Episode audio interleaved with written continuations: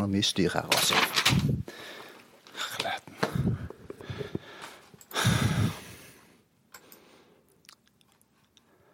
Det er en eneste som sitter her. Herligheten. Alle har gått hjem. Her ringer telefonen. Hallo? Eirik? Hva er det du driver med? Det er mye styr her nå. Du er, du, er, du er kommet inn på kontoret. Bare vent litt. Vent litt. Herligheten.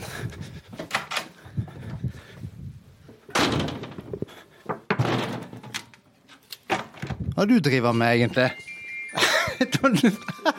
Nå spiller du julemusikk og spiser Twist. Ja, altså, jeg rakk ikke den kalenderen i dag. Kan du få av den julekalenderen? Ja. Nei, jeg rakk ikke den julekalenderen vi har. Vi har sånn trekning med julegaver på morgenen. Jeg rakk Ja. ikke, så nå ble jeg ikke så lei meg. Så nå sitter jeg og lager julestemning for meg selv. ja, du hører på totalt utgåtte eh, programmer på NRK. Lengter du tilbake? Nei, men det er gamle minner, og jeg trengte litt sånn Men uh, vi hadde folk lov å se ut av vinduet heller. Nei, det er helt mørkt. Må jeg ende nede, hvis ikke så får vi avviksmelding. Så derfor skal jeg lage litt stemning selv. Ja. Men nå har du sikkert spist nok eh, eh, Skal vi lage en podkastepisode? Ja, det nærmer seg jul. Kanskje vi skal gjøre noe litt sånn koselig for en gangs skyld. Ja, koselig. Altså, vi kan gå ned i arki arkivet vårt, se om vi kan finne noe, noe spennende som, eh, som er der. Som kan være en sånn julespesial, kanskje. Ja, det, nå, har du, jo- nå har vi jo musikken til, i hvert fall. Ja. Kan komme og se. Ja, ok, Greit. Vi, eh, vi stikker. På innsida av Politiets sikkerhetstjeneste. Sikkerhetstjeneste. Hvorfor vil du ned i arkivet, Eirik? Det er jo spennende å gjøre noe annet, da. Uh, ja, gamle hemmeligheter. Saker som er avslutta. Og saker som ikke er kjent. Forhold som ikke er kjent. Og så er det noen der nede som, ja, som jobber i arkivet, da, eller i hvelvet som de kaller det, som, eh, som har utrolig mye spennende å fortelle. Dette er jo folk som har jobba i tjenesten i mange, mange år. Ja, og disse her har jo jobbet i en annen tid. Hvor det var andre både rammebetingelser og verden så annerledes ut. Ja. Og ikke minst at forventningene til det du skulle gjøre, også fra politisk hold, var, var helt annerledes. Og motstanderen var, var, var annerledes. De jobba annerledes. Ok, Der kom heisen, og vi skal ned en del etasjer her. Og vi har jo ikke lov å si hvor mange etasjer vi skal ned. Det er vel eh, en av hemmelighetene våre. Ja, kan si Vi skal ned opp til flere etasjer. Vi skal ned opptil flere etasjer. ja. Uansett, da, det er en som jobber der nede, som uh, tror han begynte på 70-tallet. Uh, og var en del av uh, POT, som det da het, på 80- og 90-tallet. Og de var gjenstand for ganske kraftig kritikk, Erik. Ja, ja og Lund-kommisjonen og alt dette her som vi husker fra, fra 90-tallet, eh, fillerista jo sånne som han. Men det er så spennende å høre det de forteller, og ikke minst å møte en som var her den gangen alt var annerledes. Og også høre betraktningene han har nå. Ja, og møte en som de, de fikk faktisk ikke forsvart seg på samme måte som vi kan gjøre i dag med pressekonferanser og eh, avisartikler. Den gangen så holdt de kjeft. Ja, absolutt. Og, ja. Nei, de snakka sikkert sammen og bearbeidet det på den måten, men utad så var det jo helt stille. Ok, da er vi her. Skal vi gå inn her. Lang gang. Ja, det er mange lange ganger. PSTs ganger er jo et nettverk av eh, dører og ganger. Men her, her holder han til. Kom inn. Hallo, Ragnar. Hei, hei. Hallo, hallo. Hei. Ja, Ragnar, nå har jeg snakka litt om deg i heisen ned hit, men eh, kan du ikke fortelle? Hvem er du? Ja, jeg heter Ragnar, og jeg begynte i eh, politiet tilbake i 75. Og begynte i POT i 1985. Som et resultat av at etter tre hold ble arrestert, så ble det tildelt den stillinga til eh, landet for øvrig. Og jeg eh, jobba den tid den gang i Stavanger, og Stavanger var et av de politikamrene som fikk tildelt en stilling. Så du har vært en del av POT, og så senere PST, i nesten 40 år. Ja, det nærmer seg snart det, ja. Sånn at eh, jeg har jo fått med meg ganske store omveltninger som har skjedd både nasjonalt, men òg det internasjonale bildet har jo påvirka arbeidsoppgaven til POT gjennom alle de årene. Så mye mm, politisk som har skjedd, og spesielt kan du si etter murens fall, så ble det en aktiv periode for POT. Men Kan ikke du fortelle om ditt første møte med politiet og POT, som PST het den gang? Ja, eh, den gang så søkte man jo ikke stilling i POT. Det var man ble eh, kontakta, og kanskje litt sånn diskré. Jeg hadde fri den dagen jeg ble oppsøkt av lederen av POT Stavanger. Og kjørte inn i gårdsrom og stusset litt på Hadde ikke noe sånn usnakka med de. Men det som skjedde, var at han lurte på om jeg kunne bli med på en kjøretur. Ja, det gjorde jeg jo. Stavanger er ikke så stor plass. Jeg visste jo hvem de var, men jeg var litt usikker på hva de ville. Men eh, ja, det er litt, litt annerledes enn nå. Nå ligger jo annonsen ute på, på, Finn. Ja, det er riktig. Og jeg fikk ikke så veldig lang tid til å bestemme meg, for dette var en fredag. Og de måtte ha svar på mandag. Og Dette skulle jo diskuteres litt med resten av familien. og Vi hadde nettopp bygd hus og var litt usikre på hva går jobben ut på. Jeg spurte litt sånn forsiktig hva, hva, hva skal jeg gjøre? Nei, det får du se når du en gang takker ja eventuelt til jobben hos oss. Men hva sa du til kona? Nei, Jeg sa det var representanter for POT, og det fikk jeg lov å si. Eh, men utover det så var det var lite jeg fikk vite sjøl. Vi hadde en mistanke om at bak den ståldøra oppe i andre etasje på politikammeret, der var det noe som øvrige ikke fikk kunnskap om. Da var jo du faktisk ganske liberal, for jeg har snakket med flere i din generasjon hvor de faktisk eh, omtrent ikke sa til sine nærmeste hvor de jobbet. Det er riktig, jeg, men jeg fikk lov å diskutere litt. Det hadde litt med økonomi, det hadde litt om ting knytta rundt det. Jeg hadde som sagt nettopp gitt hus. Jeg var litt usikker på om jeg ville gå ned i lønn. Så, men jeg fikk ikke lov til å snakke med andre om dette her. Men familien fikk jeg ikke lov å si noen, noen ord. Og vi vet jo at du har vært med på utrolig mange interessante oppdrag og aksjoner.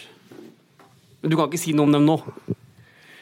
Nei, men en del av saken er jo for så vidt eh, offentlig kjent. Men det er mye inni hvelvet som eh, nok offentligheten ikke har kjennskap til. Fordi at det er ikke avgradert eller omgradert. Det er regler og lover som sier noe om når man kan gjøre det. og så eh, Derfor er det en god del saker som fortsatt ikke er kjent for offentligheten. Du, nå sa du et stikkord, du sa hvelvet. Ja. ja, det er jo uh, bare et begrep man bruker, men det er arkivet. Og arkivet, der er det mange hyllemeter med dokumenter og saker som ja, vi kunne tatt en tur inn og sett, så kunne jeg vist dere. Ja, Det er det vi skal. Men før vi går dit, kan ikke du si litt om hva jobben din er nå? Du er jo pensjonist, men du er fortsatt i full jobb her i tjenesten? Ja, jeg jobber jo på pensjonistvilkår, og jeg sammen med to andre har blitt satt til å gå gjennom en del av de sakene som er på mange måter gamle, men de er eh, tydeligvis offentlig interesse for å få kunnskap om saker som er allerede kjent. Håvik-saken, Treholt-saken, eh, eh, Selma Nilsen-saken. Dette er jo saker som er kjent og behørig omtalt i eh, media og laga film om òg. Men så er det en god del saker kanskje, ja, en god del saker som ikke er kjent, som òg ble pådømt med mange års fengsel for de som Hovedsakelig er det spionsaker man snakker om nå. Som aldri har blitt kjent for, for offentligheten? Det er korrekt. Fordi de har ikke vært avgradert. Og det er det arbeidet vi sitter nå, var pålagt av eh, justis- eller Arkivverket. Noe av det skal avleveres til Riksarkivet, og det er bakgrunnen. Og Kontoret ditt er ikke så langt fra dette hvelvet eller arkivet, så, eh, men du foreslo det sjøl å ta oss med inn dit. Men før vi går dit, det er ikke bare å gå inn i, i hvelvet her. Det får ikke hvem som helst gjøre. Nei, det er et såkalt eh, område som kun eh, noen få har tilgang til. Og så vidt jeg vet har ikke dere tilgang, men ifølge med en som har tilgang, så skal jeg eh, ta dere med inn der. Og Martin, du har jobba her i 20 år. Du har vært her én gang. Jeg har vært så heldig og jeg har bare vært her ett år og også fått lov til å være her én gang, så dette blir vårt besøk nummer to for oss begge, da. Det er litt nesten sånn høytid her. Jeg føler Det er litt urimelig at jeg har vært her i 20 og vært her én gang, og du har bare vært her Du er jo mildt sagt uh, rookie. OK, men du, jeg foreslår at vi går inn, her, Ragnar. Den er grei. OK. Skal vi se. Da går vi bak. Det er innover her nå. Og det er flere ganger her, ja. Ja. Men han har kort vei fra kontoret. Ja. Skal vi se. Her står det et skilt 'sperret område'. Ja, jf. forskrift om informasjonssikkerhet paragraf 6-3. Hvelv. Sperret område. Adgang kun for autorisert personell. Det er oss. Ja, nå er det jo det, da. Liste på baksiden av døren. Jeg lurer på om de vasker her inne. Hvordan de gjør det. Her fisket du frem en nøkkel. Ja. Det er godt ikke filming her, for da denne koden er Ja, Den koden skal vi ikke vise. Nei. Den skal vi ikke fortelle hva Skal vi er. se. Oi, her er det faktisk et. Det er Shit. det. Oi. Bokstav Oi, oi, oi. Se her, ja. Ja, nå, nå, nå føler jeg at du blir litt excited, Eirik. Ja, det er litt sånn uh, Ja, Det er liksom ikke sånn lett å få noe oversikt her på det korte besøket vi skal være her nå. Men her er det systematisert i henhold til eh, både arkivnøkler og, og litt sånn eh, datomessig i forhold til lettere for å finne ting igjen. Hvis vi går litt nedover her med det som, som er det såkalte historiske arkiv, som eh, vi i stor grad holder på med og gjennomgår, så man ser de her, alle de arkivboksene som står her, inneholder tusenvis av dokumenter. Det er flere hundre hyllemeter med dokumenter og mange hundre bokser hvor dokumentene ligger i. De eldste, hvor, hvor, gamle er de? De eldste dokumentene du har? Hovedsakelig så gjenn- gjennomgår vi dokumenter fra 1940 og fram til 1996. Det er vårt mandat. Men eh, det finnes òg dokumenter fra før krigen, og de eldste dokumentene jeg har sett, er faktisk fra før første verdenskrig. Men det er mer sånn sporadiske dokumenter, ikke noe systematisert eh, registerføring på dem. Den gangen var vel kanskje Sverige fienden. ja, kanskje det. Kanskje det. Men eh, det er også en del dokumenter der fra ja, slutten av 30-tallet, altså like før eh, Norge ble invadert. Der er det også ganske mye spennende som ikke har vært kjent. Der er det en del stoff som nok har eh, Ja, som er nok ikke særlig kjent for folk. Det er tyske dokumenter. Det er originale tyske dokumenter som ble utstedt i kjølvannet av eh, etter 9. april. Som jeg har sett i et par bokser. Så Hvorfor Altså, dette er jo så gammelt. Eh, Det er materialet her 80, 70, 60, 50 år gamle. Hvorfor er dette her så betent og så sensitivt fortsatt? Det er nå en gang sånn at mye av det innsamla materialet her er ikke bare vårt eget. Eh, Man har òg drevet samarbeid med utenlandske tjenester. Med norske samarbeidende tjenester som UD, Forsvaret. Da kan ikke vi sånn uten videre avgradere dokumentene. Det tar tid å spørre utstedet av et dokument for å få ting avgradert. Og i og med massen er så voldsom som den er, så er det òg et snakk om et ressurs. Dette koster eh, ja, Penger skal ikke jeg begynne å snakke om, men det koster i hvert fall ressurser. Men du må ha folk som er interessert, og har genuint interesse av å lese gamle ting. Men det må jo være tusenvis av bokser her. Ja, vi hadde vel en liten sånn en, eh, noenlunde sånn grov oversikt. Man snakker om flere hundre meter, kanskje 600-700 hyllemeter med dokumenter. Og vi har vel klart å avgradere en god del tusen allerede. Og det er både straffesaker, eller saker som havnet i, i rettsapparatet på, på ulike måter, men det er vel også en del materiale som kun er rapporter fra aksjoner som kanskje ikke førte til noe, stemmer det? Ja, mye av dette eh, Man hadde jo forskjellige typer. Når det, når det var snakk om en straffesak, så samla man ofte inn informasjon for å danne grunnlag for ja, en sak som eventuelt kunne føres for retten. Men mye av det innsamlede materiellet som er her, det er temabasert. Eh, det vil si at man skulle følge med med enkelte f.eks. politiske partier.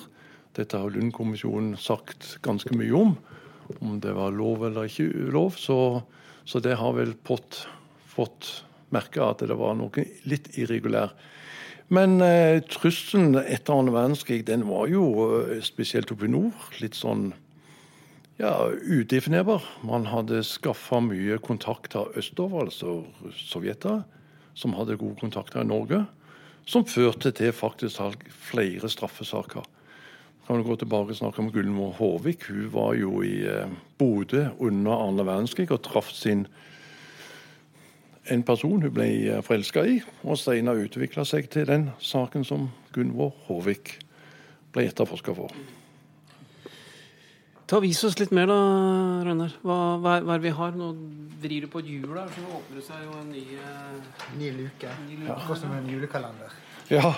Du, her ligger det jo som sagt eh, masse emnearkiv basert på en journal som ble laga basert på alt materiellet fra 1945 og fram til 1970. Og så var det deler igjen fra 70 til 93.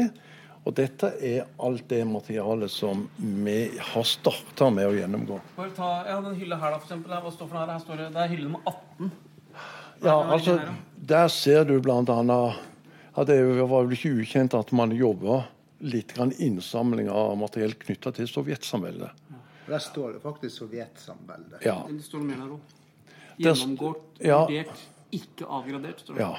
Og det er ofte det det vil stå på boksene, at uh, det som er informasjon samla for andre tjenester, eller der vi ikke sjøl har vært utsteder, er vanskelig å avgradere. I helt konkrete saker så kan det være at man må be samarbeidende tjenester om å uh, avgradere fordi at dokumentene skal brukes til f.eks. en sak her i Det er saker her som faktisk har blitt avgradert fordi at det skal tas ut tiltale. Kanskje ikke de helt gamle sakene, men uh, et par saker har jeg vært borti. Men du, du, har jo lest mange, mange, mange, mange dokumenter her. Er det noen ganger du tenker at ah, dette her burde blitt kjent? Altså dette vil, Må man omskrive historien? Eh, ja, altså jeg føler at det er mye her som var ukjent for meg òg.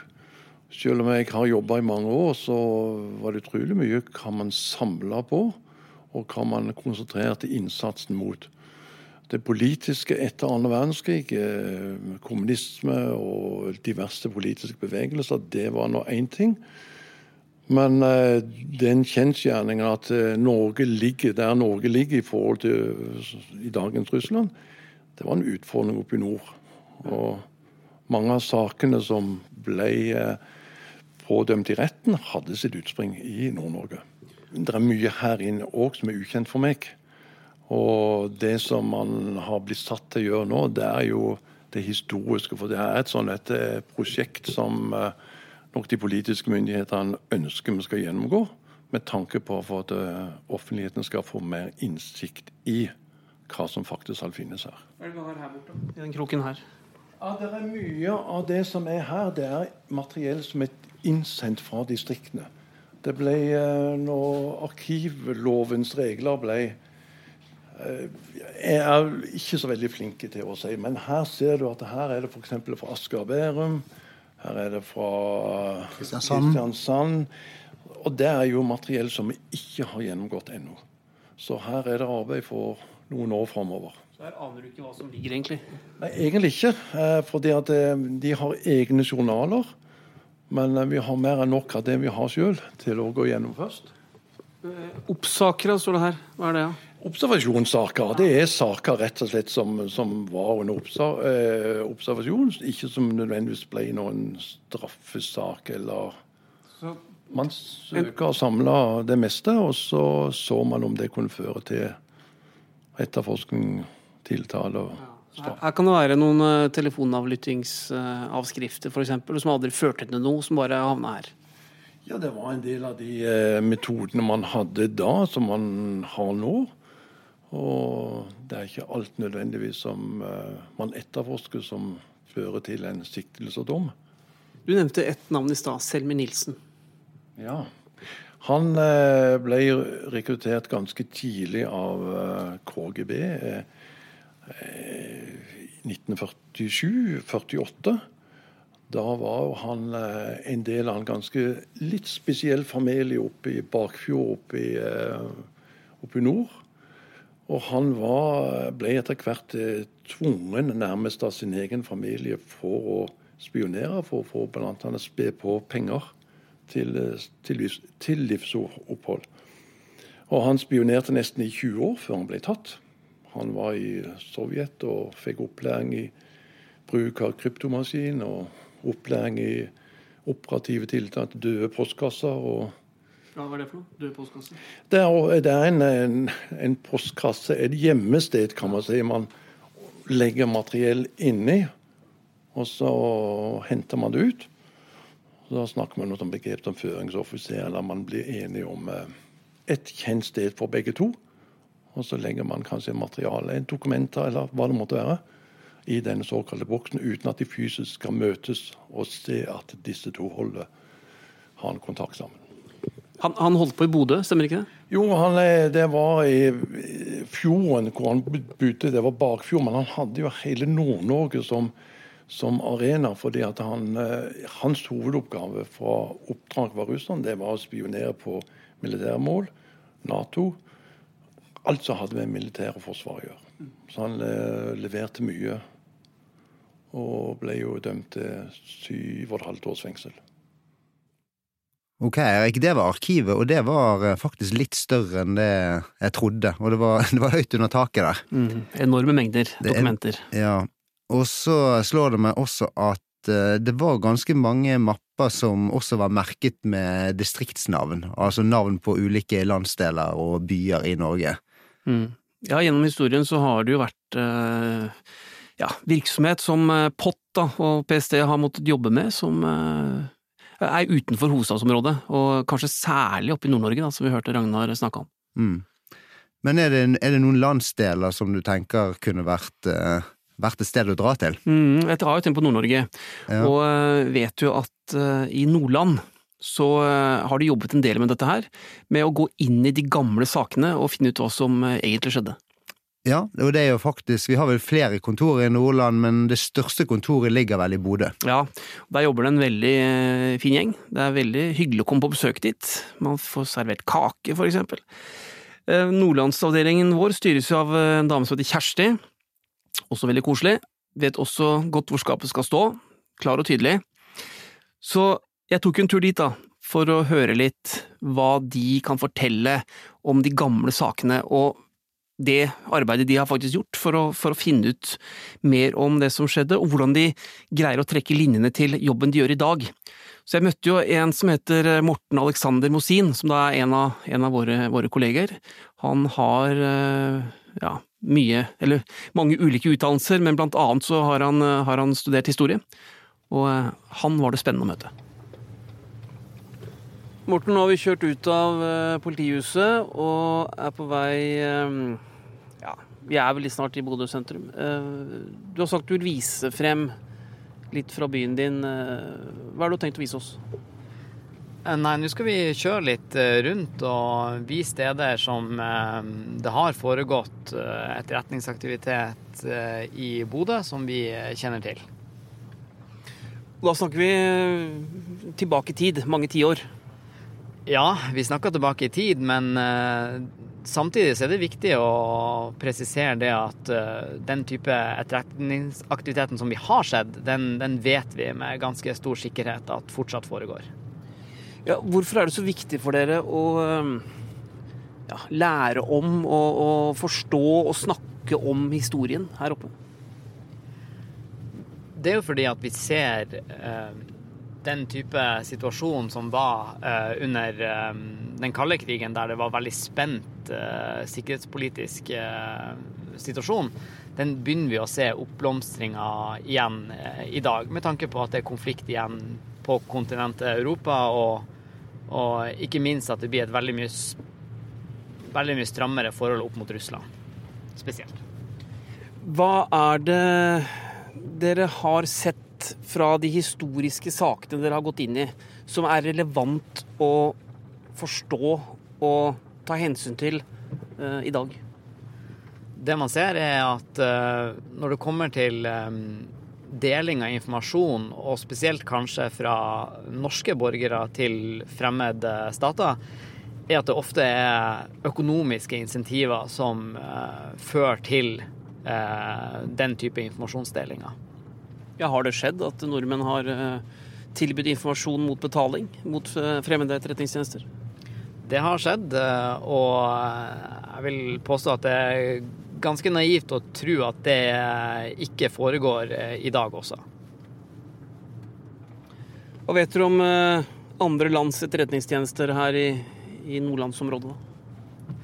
Nei, det vi vet er at nordlandsområdet som del av Nord-Norge, og med den geografiske plasseringa som vi har midt mellom stormaktene, det gjør at vi er et veldig ettertrakta mål for fremmed etterretning, og vi har eh, ganske klare indikasjoner på at eh, det er fremmed etterretningstjeneste til stede også i Nordland, som i likhet med resten av landet.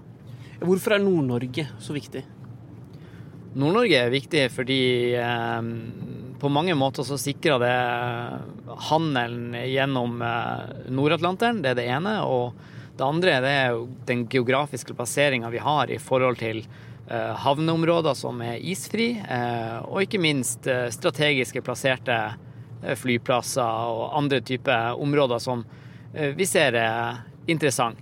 Og den siste dimensjonen er jo det at vi ser utvikling av nordområdene som enda viktigere nå enn det man har gjort tidligere. Og vi vet det at selv om det har vært lav spenning i Arktis i mange år, så, ser vi nå en slags eh, oppbygging, eh, spesielt pga. Eh, den spente sikkerhetssituasjonen som er i Europa, med Russland og oss som en del av Nato-fellesskapet. Men ser dere også at andre lands etterretningstjenester bygger seg opp i Nord-Norge nå? Ja, PST har jo hatt ei ganske kraftig nordområdesatsing, og den kommer jo ikke i et vakuum. Det handler jo om å forsøke å møte våre motstandere på en mest, mest, mulig kapabel måte. Så det at vi bygger oss opp, er jo gjerne en indikasjon på at, at andre lands etterretningstjenester bygger seg opp også. Da vi var nede på arkivet, så nevnte Ragnar en sak som kalles Selma Nilsen-saken. Mm. Altså, det er et navn. Mm. Eh, og jeg personlig kjenner ikke så mye til den historien, men det er nok, hvis du skal dykke inn og se litt sånn på hva spionhistorie er i Norge, så er jo dette en av de selvskrevne store sakene. Mm, absolutt. Og hvis man går inn og, og leser litt i dokumentene som, eh, som er, er, offentlige, og, og, også det som er skrevet og laget av ja, bøker, dokumentarer, avisartikler om Selmer Nilsen, så blir man jo slått av um, at det er en del triste menneskeskjebner som ble involvert i disse sakene under den kalde krigen. Får litt sånn gufs fra, fra en, en, fortid som ikke er så langt unna. Selmer Nilsen-saken um, skal vi høre litt mer om nå, men um, det vi kan si om den saken, er at det er fortsatt en del opplysninger der som er hemmeligstemplet. Ok, så alt er ikke avgradert Nei, og det er noe vi ikke kan snakke om her. Men uh, vi kan allikevel få høre en del om det som uh, nordlandsavdelingen vår da, og, og, Morten har funnet ut om uh, det som Selmer Nilsen drev med, og hvem han var. Morten, da har vi gått ned til Bodø sentrum. Og her står vi foran et det er litt sånn grått og Jeg skal ikke si at det er trist, men det er, en, et gammelt bygg. Der står det Norrøna hotell. Det er, det er, litt spesielt. Ja, det er jo et spesielt hotell. Spesielt eh, fordi at her bodde kanskje Norges mest kjente spion, Selmer Nilsen, som eh, mange sikkert har hørt om. Han eh, pleide å booke to hotellrom eh, her. Det ene der han eh, hadde gjester, nachspiel og fest og det andre der han hadde ulovlig radioutstyr som han brukte for å sende meldinger til Sovjetunionen med. Ja, han var norsk, var han ikke det? Han var norsk. Han var fra Finnmark.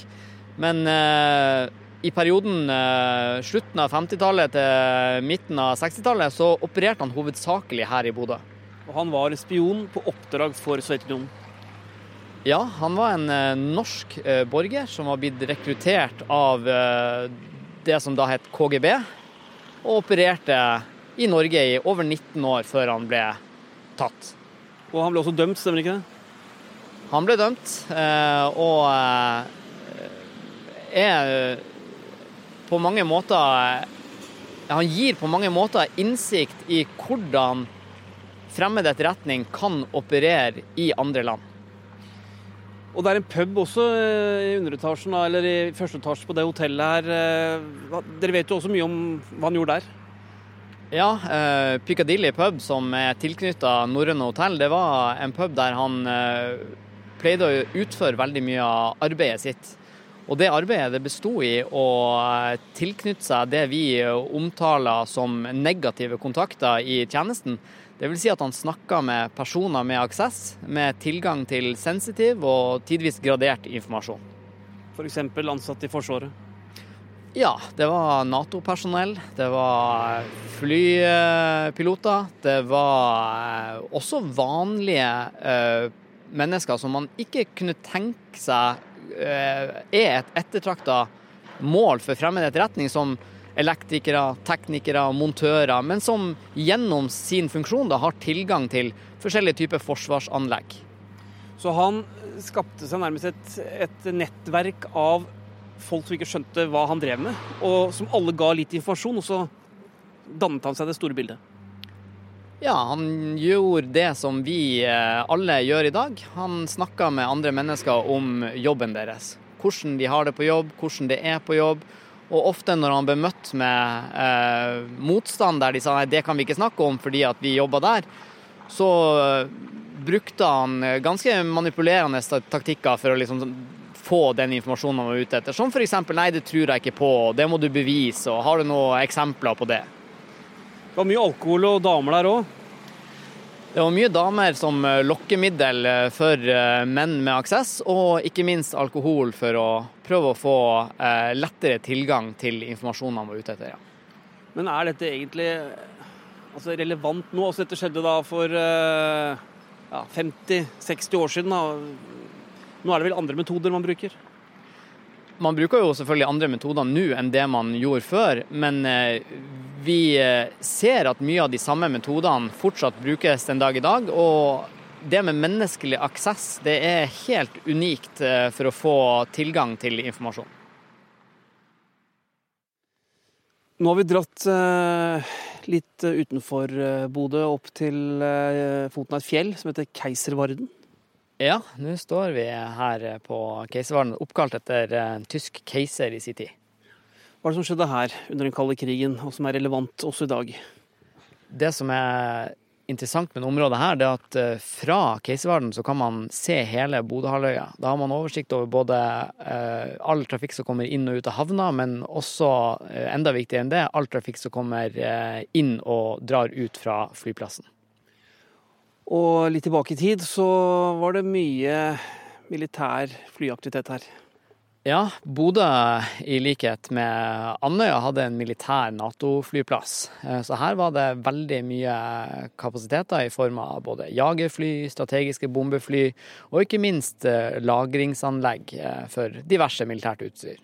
Vi snakket litt om Selmer Nilsen tidligere i dag. Hva gjorde han her? Eh, Han eh, Selmer han eh, tok med seg radioutstyr, og så gikk han turiststien opp Keiservarden og satte seg ned der og telte og registrerte og rapporterte via radiosenderen sin til Sovjetunionen om forskjellige flytyper som kom og dro fra Bodø. Men han kunne bli sett eller oppdaget av Det er jo et turistområde. Ja, eh, ikke bare turistområdet, det er et populært turistområde. Så eh, det var en av hans store bekymringer ved å ta turen opp på fjellet. Eh, Det ga han den, det oversiktsbildet han var ute etter, men samtidig så eksponerte det han ganske mye. Og spesielt med den radiosenderen som i sin tid var ganske stor.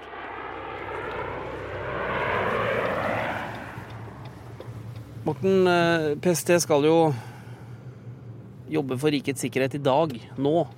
Hvorfor er du så opptatt av, eh, av, av historien? Nei, fordi at Når vi ser på byer som har gjerne forsvarsanlegg eller annen type industri som kan være interessant for fremmede stater, så ser vi at modus er Altså aktivitetsnivået mot de type objektene er lik. Så jeg tror i et sånn forebyggende perspektiv så kan nok alle byene og, og samfunnene i Norge gå litt inn i seg sjøl og tenke hvordan har fremmed etterretning jobba mot oss tidligere? Og på den måten så kan man trygge seg mot potensiell ny fremmed etterretning. Fordi metodene som brukes, er litt av de samme?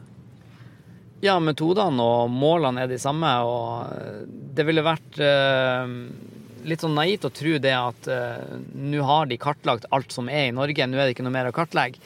Fordi eh, etterretning det er et løpende produkt, og man er opptatt av å rapportere tidsriktig på alle typer kapasitet og og aktivitet som foregår. Så selv om man kanskje vet at et anlegg eller et industriområde er interessant, så kommer det til å være interessant for fremmed etterretning å følge opp de type objektene.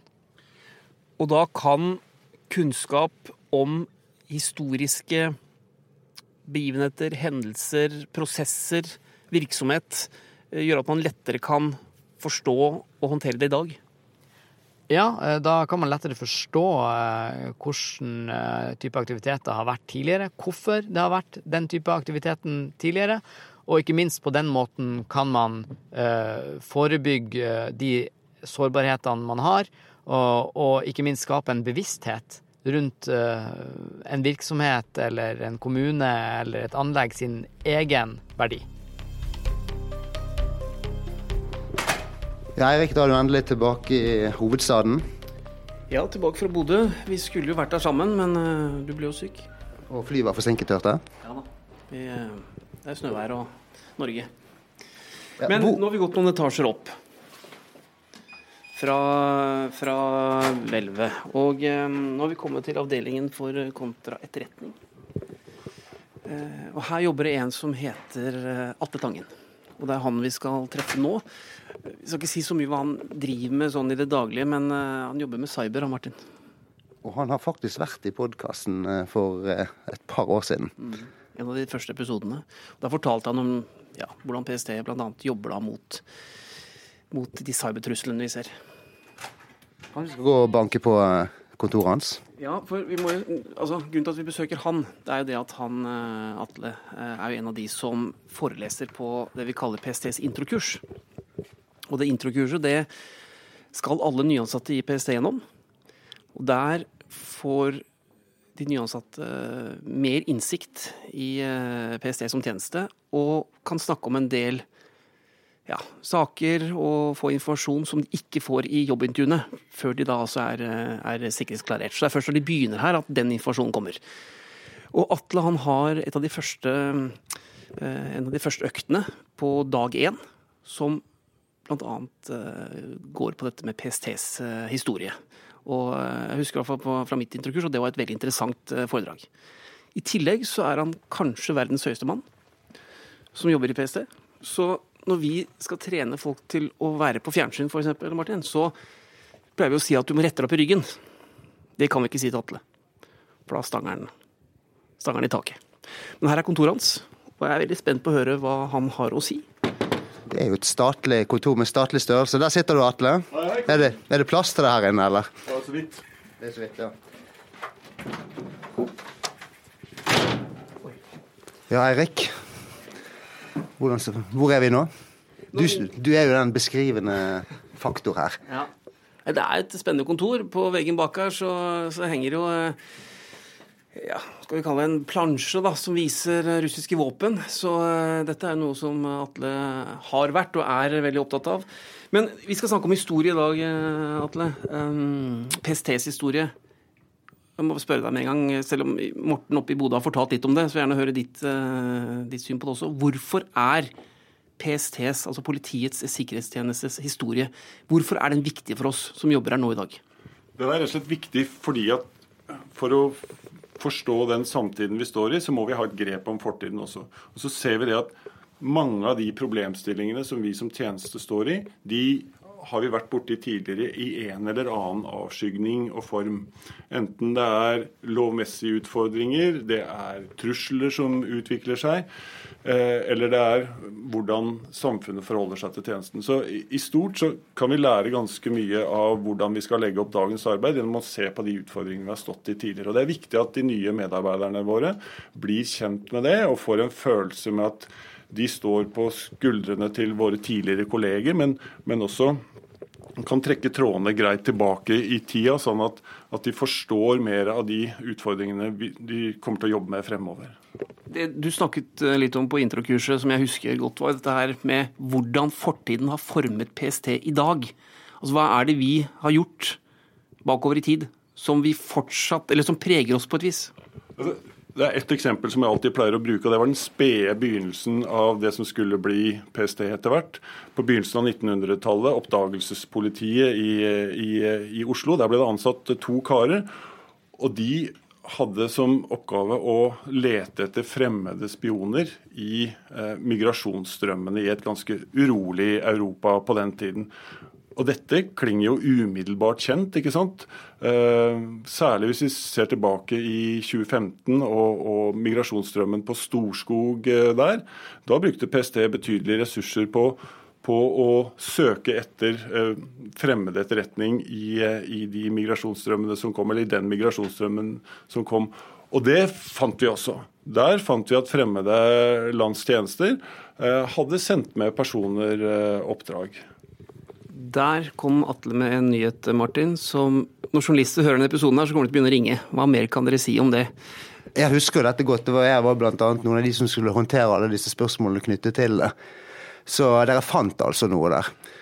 Og I så fall så forklarer jo det at eh, denne flyktningstrømmen virkelig var en sak for PST den gang for eh, seks-syv år siden, og ikke nødvendigvis bare for ordinært politi og utlendingsmyndigheter.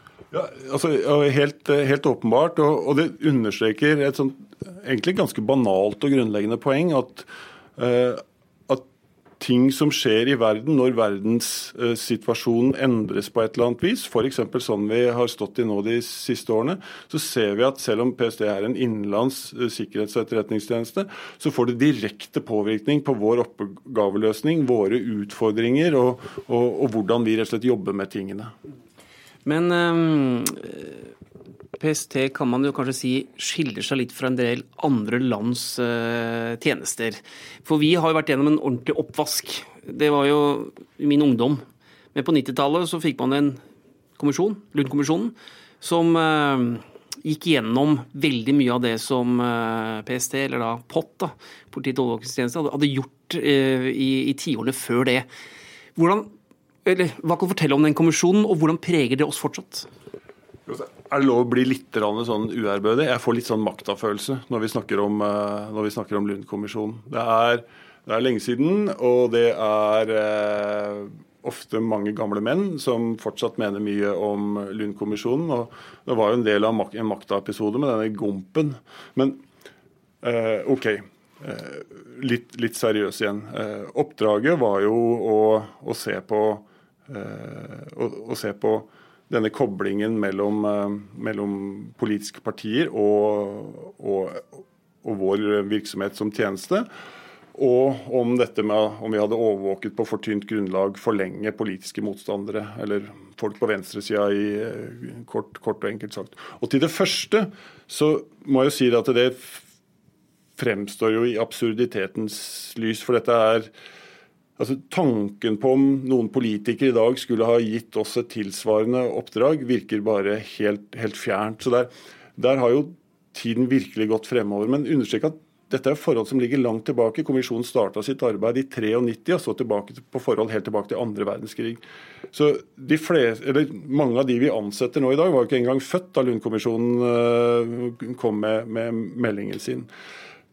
Så dette, dette, første elementet som de fant ut at knytningene mellom uh, tjenesten og, og uh, politiske miljøer hadde vært for tett, det, det er, vel vil jeg våge påstand, ikke en reell problemstilling i dag.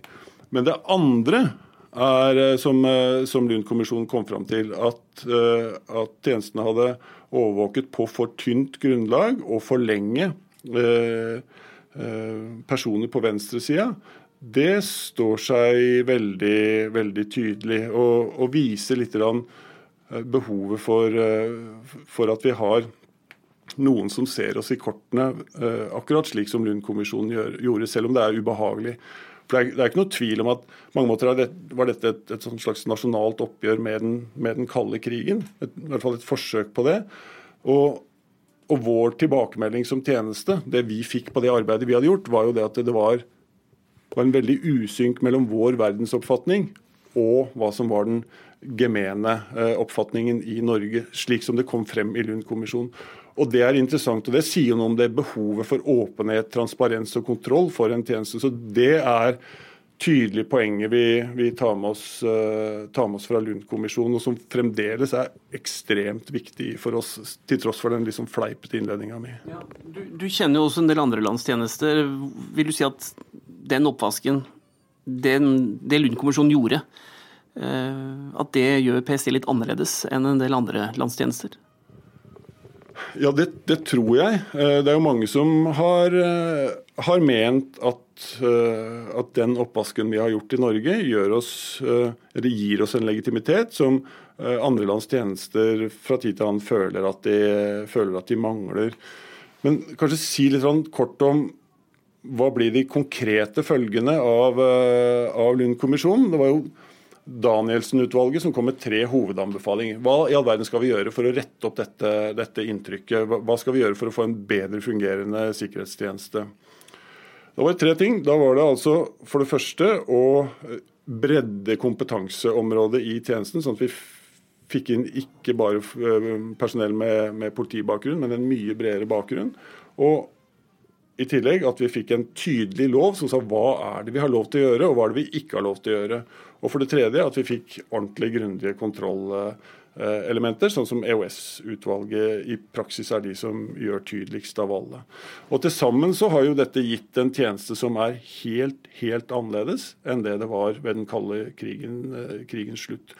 Og jeg tror jeg har midt på det tørre når jeg sier at vi er verdens aller, aller best kontrollerte hemmelige tjenester. Det er knapt noen som er i nærheten, tror jeg. Hvis du på et av introkursene du har, da, hvis du hadde fått inn en uh, ung person som hadde rakt hånda i været, så hadde eller hun eller han sagt Hvorfor skal jeg gidde bry meg om fortiden, jeg skal jo bare jobbe fremover. Altså, Jeg trenger jo ikke å ta hensyn til det. Hva ville du svart? Ja, da, da, tror jeg ville sagt et eller annet om at det å være historieløs og det å bare se, se fremover, det vil gjøre deg både blind og veldig lite egnet til å forstå det som skjer.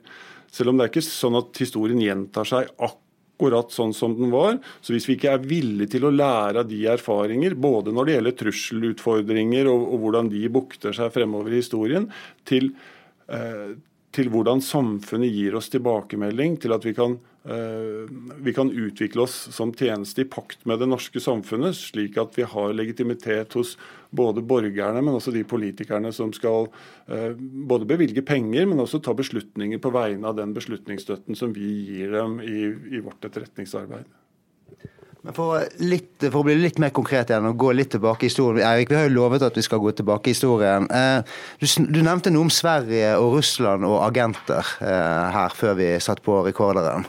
Hva, eh, har, har, har, du noen historier som du tror eh, jeg, som, mange ikke, jeg, som ikke så mange er klar over, fra en annen tid? Ja, virkelig en annen tid. altså Den såkalte Asanovic-saken fra 1913, altså rett før uh, første verdenskrig. Da fikk uh, våre norske forgjengere i, i, tjenesten vi fikk et tips fra våre svenske kolleger, akkurat som situasjonen er i dag, hvor de sa det at uh, Norge blir brukt som et tredjeland for spionasje, altså et sted hvor agenten møter sine underagenter og, overleverer penger og får informasjon og sånt. For Norge var et fredelig land hvor man kunne gjøre dette her i, i ro og fred. Så våre forgjengere da, gikk raskt og prompt til eh, aksjon. De, hadde, de visste at, eh, at, eh, at, den russiske militærattaché Asanovic skulle booke rom på, på Grang, så de booka naborommet. Ikke helt ukjent i dag heller. Og så brukte de tre inngripende metoder. de hadde romavlytting, de hadde telefonkontroll, og de hadde poståpning. Det siste er ikke så veldig eh, vanlig nå i, eh, i dag, eh, men, men lell allikevel. Men romavlyttinga den ble gjort med å bore et høl i veggen når man lyttet med et glass der. Og, og, telefonavlyttingen gjorde man jo i gamle manuelle telefonsentraler. Og Summen av dette gjorde at vi kunne avsløre at den østerrikske generalstabssjefen egentlig var en russisk spion. Så det var jo et vanvittig kupp. Men når vi så gjorde opp regning eh, etterpå, og, og så på hva det var vi hadde gjort, så var det jo slik at vi hadde jo ikke noe hjemler eller strengt tatt egentlig lov til å drive romavlytting. Det var det ingen som hadde tenkt på. Heller ikke dette med telefonkontroll, som var ganske nytt.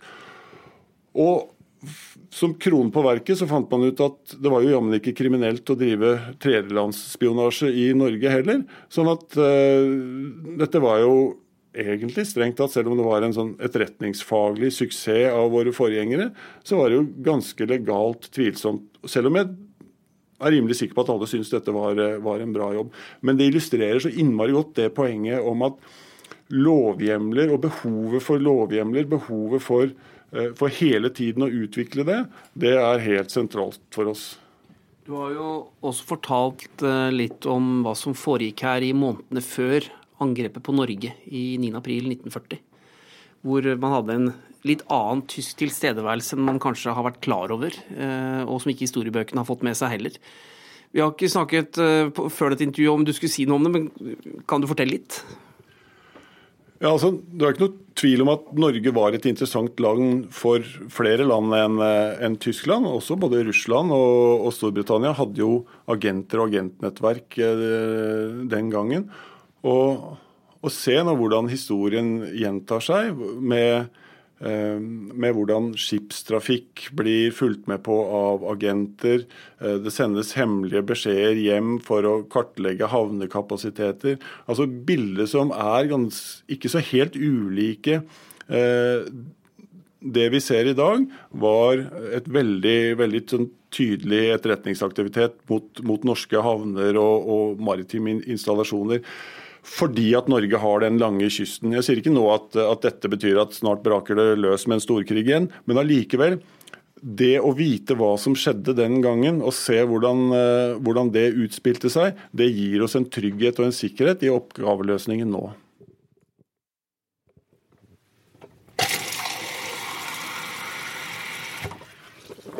Eirik, kom hit litt. Kom inn på kontoret, så må du høre på noe. Ok. skjer her nå? Hør her. Kvinna var funnet søndag 29.11. med restene av et bål, delvis forbrent. Det er funnet rester av bensin der, og hun hadde tatt en del tabletter. Men hvem var hun, hvor kom hun fra, hva skulle hun, og hva var det i grunnen som hadde hendt? Hva er det her for noe? Det er, et, eh, det er fra en nyhetssending fra 1970-71. Og det handler om Isdalskvinnen. Har du hørt om henne? Ja, jeg kjenner jo til den uh, saken, men skal vi se, jeg tror du må bare fortelle litt. Vi har jo mange unge lyttere også som ikke kjenner detaljene her. Vi er i 1970, stemmer ikke det? Jo, vi er i uh, Vi befinner oss i Bergen, i et sted som heter Isdalen. Svartediket, altså drikkevannskilden. Det er tre kilometer utenfor Bergen sentrum veldig nærmt byen, men likevel veldig øde. Et mystisk, litt skummelt sted. Man går innover Isdalen langs Svartedik, og det er, heter Svartedik, for det vannet er rett og slett helt svart. Eh, og når du kommer rundt Isdalen, og rundt Svartediket, så kommer du opp i noe som heter Dødsdalen. Eller du ser opp ved Dødsdalen, og det er på en måte baksiden av Ulriken, for de som er litt lokalkjent. Og, bare, og Grunnen til at du viser meg at det her nå, Martin, antar jeg er at du har fått en henvendelse, eller vi har fått en henvendelse, da, eh, om denne saken? Jo. Altså, siden jeg begynte her i tjenesten, så jevnt og trutt så får vi spørsmål om Isdalskvinnesaken. Og for eh, under to, to, uker siden så var det et sveitsisk TV-team her. Og rett og slett de lager en dokumentarserie, eller en del av en dokumentarserie, hvor de bl.a. har oppholdt seg i Bergen i over en uke for å lage sak om dette. Og da var de innom oss. Og Det viser jo at disse gamle historiske sakene fortsatt er interessante for offentligheten? For det er jo ikke bare Isdalskvinnesaken vi får, får henvendelser om? Nei, det det er, ikke det. Men jeg syns at den islandskvinnesaken er, er, et godt eksempel. For den inneholder alle ingredienser. Det er et mystisk dødsfall hvor det da en kvinne blir funnet i slutten av november av to jenter og faren, faren deres, som ligger ved et bål forbrent. Eh, det viser seg etter hvert at eh, også POT, som det het en gang, og PST også får veldig raskt kjennskap til dette. Eh, det finnes også da kofferter av denne døde Eller de fant koffertene hennes nede på jernbanestasjonen i Bergen. Hvor de da bl.a. Finner falske pass, falske identiteter, rekke ulike klær av klesstiler, hvor bl.a. navnelappene, altså produksjonsnavnelappene, er revet av. Mye mystikk. Så det er jo, det er jo virkelig laget for Det er jo laget altså det, det blir jo nesten som en film, Eirik. Ja, og det tok vel også veldig mange år før det ble kjent at uh, POT, da, overvåkingstjenesten, hadde vært involvert i denne saken?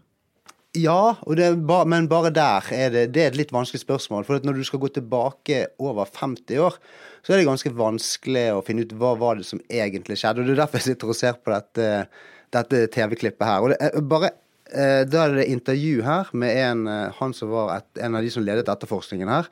Og han Du kan høre litt på hva han sier her, Eirik. Pål Parry Jarmann fra Kriminalpolitisentralen under at saka ennå ikke er oppklara, men på bakgrunn av alle teoriene som har vært framme, fant de det rett å legge fram det de vet, og dra visse slutninger på grunn av det. Kriminalsjefforsker Hornes, det har vært mange fantasifulle teorier i pressa i denne saka. Var denne kvinna innblanda i spionasje? Nei, det tror jeg trygt kan slå fast at det er ingen holdepunkter. Ja, enda mer, det kan vi helt utelukke. Er det drap? Nei. Eh, vel, saken er jo ikke ferdig. Men fra første stund så har man gått ut fra at det ikke forelå det. Fra første stund på åstedet. Vi må jo si om ikke de endelige resultater foreligger fra Rettstoksikologisk institutt, så er det etter det vi vet, intet som gjør oss grunn til å anta eh, noe annet. Eh, og det de konkluderte med, var at det var selvmord, var det ikke? Ja, og så kan man jo etter, etter hvert som man har fått vite mer opp gjennom årene, så, så, forstår man jo at uh, det kanskje ikke er det som har skjedd, og at uh, kanskje politiet avsluttet den etterforskningen litt tidlig. Og, da, og når det da samtidig blir kjent at POT hadde noe med dette å gjøre, så begynner jo eh, interessen å vekkes hos eh, ikke bare hos journalister, men i store deler av befolkningen, og ikke minst hos bergenserne selv. For det, for det var litt interessant at hun da hadde helt masse bensin over seg selv, og så tent på langt inn i skogen. Ja, det, det, er, det er veldig rart. Og så har du dette her med med alle teoriene. da, altså Hva var hun for noe? Var hun prostituert? Var hun spion? Spionerte hun for russerne? var hun en Mossad-avhopper. Eh, så det er veldig mye det, det har vært mye spekulasjoner. Men vi, vi, har vært hos Ragnar i hvelvet, og vi har med oss noe opp derfra. Vi har, noe, vi har med oss noe opp, nemlig mappen, altså Isdalskvinnemappen, som jeg faktisk sitter med, med foran meg her. Og det der er en sånn mappe man ser på film? Den... Det er en mappe som egentlig kunne man sett på film. Den er altså mm, masse dokumenter de er gamle, de er gule, det står eh, masse hemmelige stempler på dem. Eh, det er noen bilder her også som viser, ja. viser henne, da. For å ta litt som formaliteten her, da, så er jo dette dette alle dokumentene som vi har funnet i arkivet vårt og lagt sammen i en mappe som handler om, om den, denne saken. Den er avgradert. Det betyr, ikke, det betyr ikke nødvendigvis at vi bare kan gi den ut, for her er det jo masse personsensitive opplysninger. F.eks. her er det avhør av personer som lever i dag, og som har krav på en beskyttelse. Så ja, den er avgradert etter sikkerhetsloven, men her er det taushetsplikt eh, som gjelder fremdeles. Men har du funnet noe interessant her som viser eh, hvem denne kvinnen var? Eh, Nei, altså det, det, gir ingen løsning på mysteriet, Eirik. Det, det, det, beklager å måtte si det, men det, er jo, det sier jo litt om hvordan de jobbet. Det sier litt om hvordan man samarbeidet med bergenspolitiet, og noen vil jo kanskje si hvordan man ikke samarbeidet. For det er jo Mange vil jo mene at eh, POT og kanskje Forsvaret for den saks skyld var mye tyngre inne enn eh, en det som er blitt kjent i offentligheten. Men denne mappen jeg sitter med her, Eirik, det det gir dessverre ikke noen svar. Men den viser vel også at uh, Pott da, var mer inne i denne saken enn man kanskje skulle tro? Ja, det tror jeg. Og jeg legger merke til at jeg sier 'tror', Eirik. For det, dette kan man ikke vite. Og jeg har vært og forhørt meg rundt på huset her. Og det er jo i dag ingen som egentlig kan noe om denne saken. Meg bekjent. Nei, og det er jo du som uh, har gått mest i den, eller inn i den. og jeg vet jo også at du har et litt spesielt forhold til den saken, her, for du er jo faktisk vokst opp like ved uh, i stallen. Ja, jeg er, jo, jeg er jo faktisk det, og du har jo faktisk vært der selv, Eirik. Vi, vi, var jo en tur oppe tidligere i år. Så det er jo en sak som jeg vil si kan beskrives som Det er, det er et mysterium som går i generasjoner. Da var vi først hjemme hos deg og besøkte foreldrene dine og fikk god lunsj, og så gikk vi inn i isdalen etterpå. Ja, jeg dro dem med inn dit. Så da, det er litt vanskelig, for det ser litt annerledes ut. Så jeg må innrømme at jeg fant ikke det eksakte stedet, for de har hogget en eh, masse trær. Men for de som er mer interessert i denne saken, så er det laget uh, mye, mye, film. Så hvis man bare gjør et søk på nettet, så vil man så må man finne mye informasjon. Og Så blir det da opp til den enkelte da, hvor mye av teoriene vil man tro på, og uh, hvor mye må man rett og slett uh, la ligge. Det er jo skrevet mye bøker, artikler i aviser laget TV-serier, som du sier, og podkastserier eh, flere steder. Så det er, jo, det er, jo, en sak som mange har fortsatt interesse av. Og det er jo også litt av poenget vårt da, med å, å, snakke om den her òg, viser jo bare at PST og POTs historie, PSTs historie, er fortsatt interessant og relevant også for de der ute. Eh, faktisk også for ut, utenfor landets grenser, også, som disse sveitserne eh, lager nå. Til slutt, Martin. Eh, før jeg kom inn her, så så jeg du lå ute på gulvet og tok bilder av denne mappen med telefonen din. Hva skal du med de bildene? Du, vet du hva, jeg tenkte enkelt og greit at jeg tror jeg skal legge ut et bilde av mappen, rett og slett. Jeg, er, jeg har ikke mulighet til å legge ut bilder av innholdet, men jeg kan legge ut bilder av mappen. Den kan legge ut på LinkedIn-siden til, eh, til PC, sånn at man kan se at det er jo virkelig en mappe. Ja, og jeg tok bilde av deg mens du tok det bildet, når du lå på alle fire på gulvet. Det skal vi ikke legge ut. Nei vel. Ja, Eirik, vi går nå mot uh, slutten av året, og dette er jo den siste episoden vi klarte å lage. Ja, Hvor mange episoder ble det egentlig? Ble det ikke elleve? Uh, målet var jo tolv, men uh, vi må si oss fornøyd med elleve, må vi ikke det? Ja, da har vi fått for lang ferie.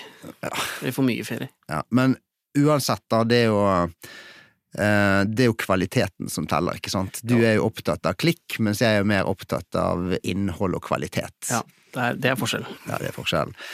Men eh, ja, nei, for vi har jo vært eh, Vi må si vi har, vi har, aldri vært så Vi har også vært utenfor studio mye mer enn det vi har vært tidligere. Vi har mm. reist rundt. Eh, du har til og med vært i Ukraina, i Kiev, og laget en, en podkast, og du fulgte livvaktene. Mm, ja, det var veldig interessant. Men og, vi har lagd mye annet interessant òg. Vi, vi, har det, så vi må bare oppfordre folk til å bla igjennom og se mm. hva, hva, vi har laget, for mange av disse sakene er jo fremdeles aktuelle å høre på. Ja, absolutt. Kan ikke du oppsummere raskt da, temaene vi har vært innom?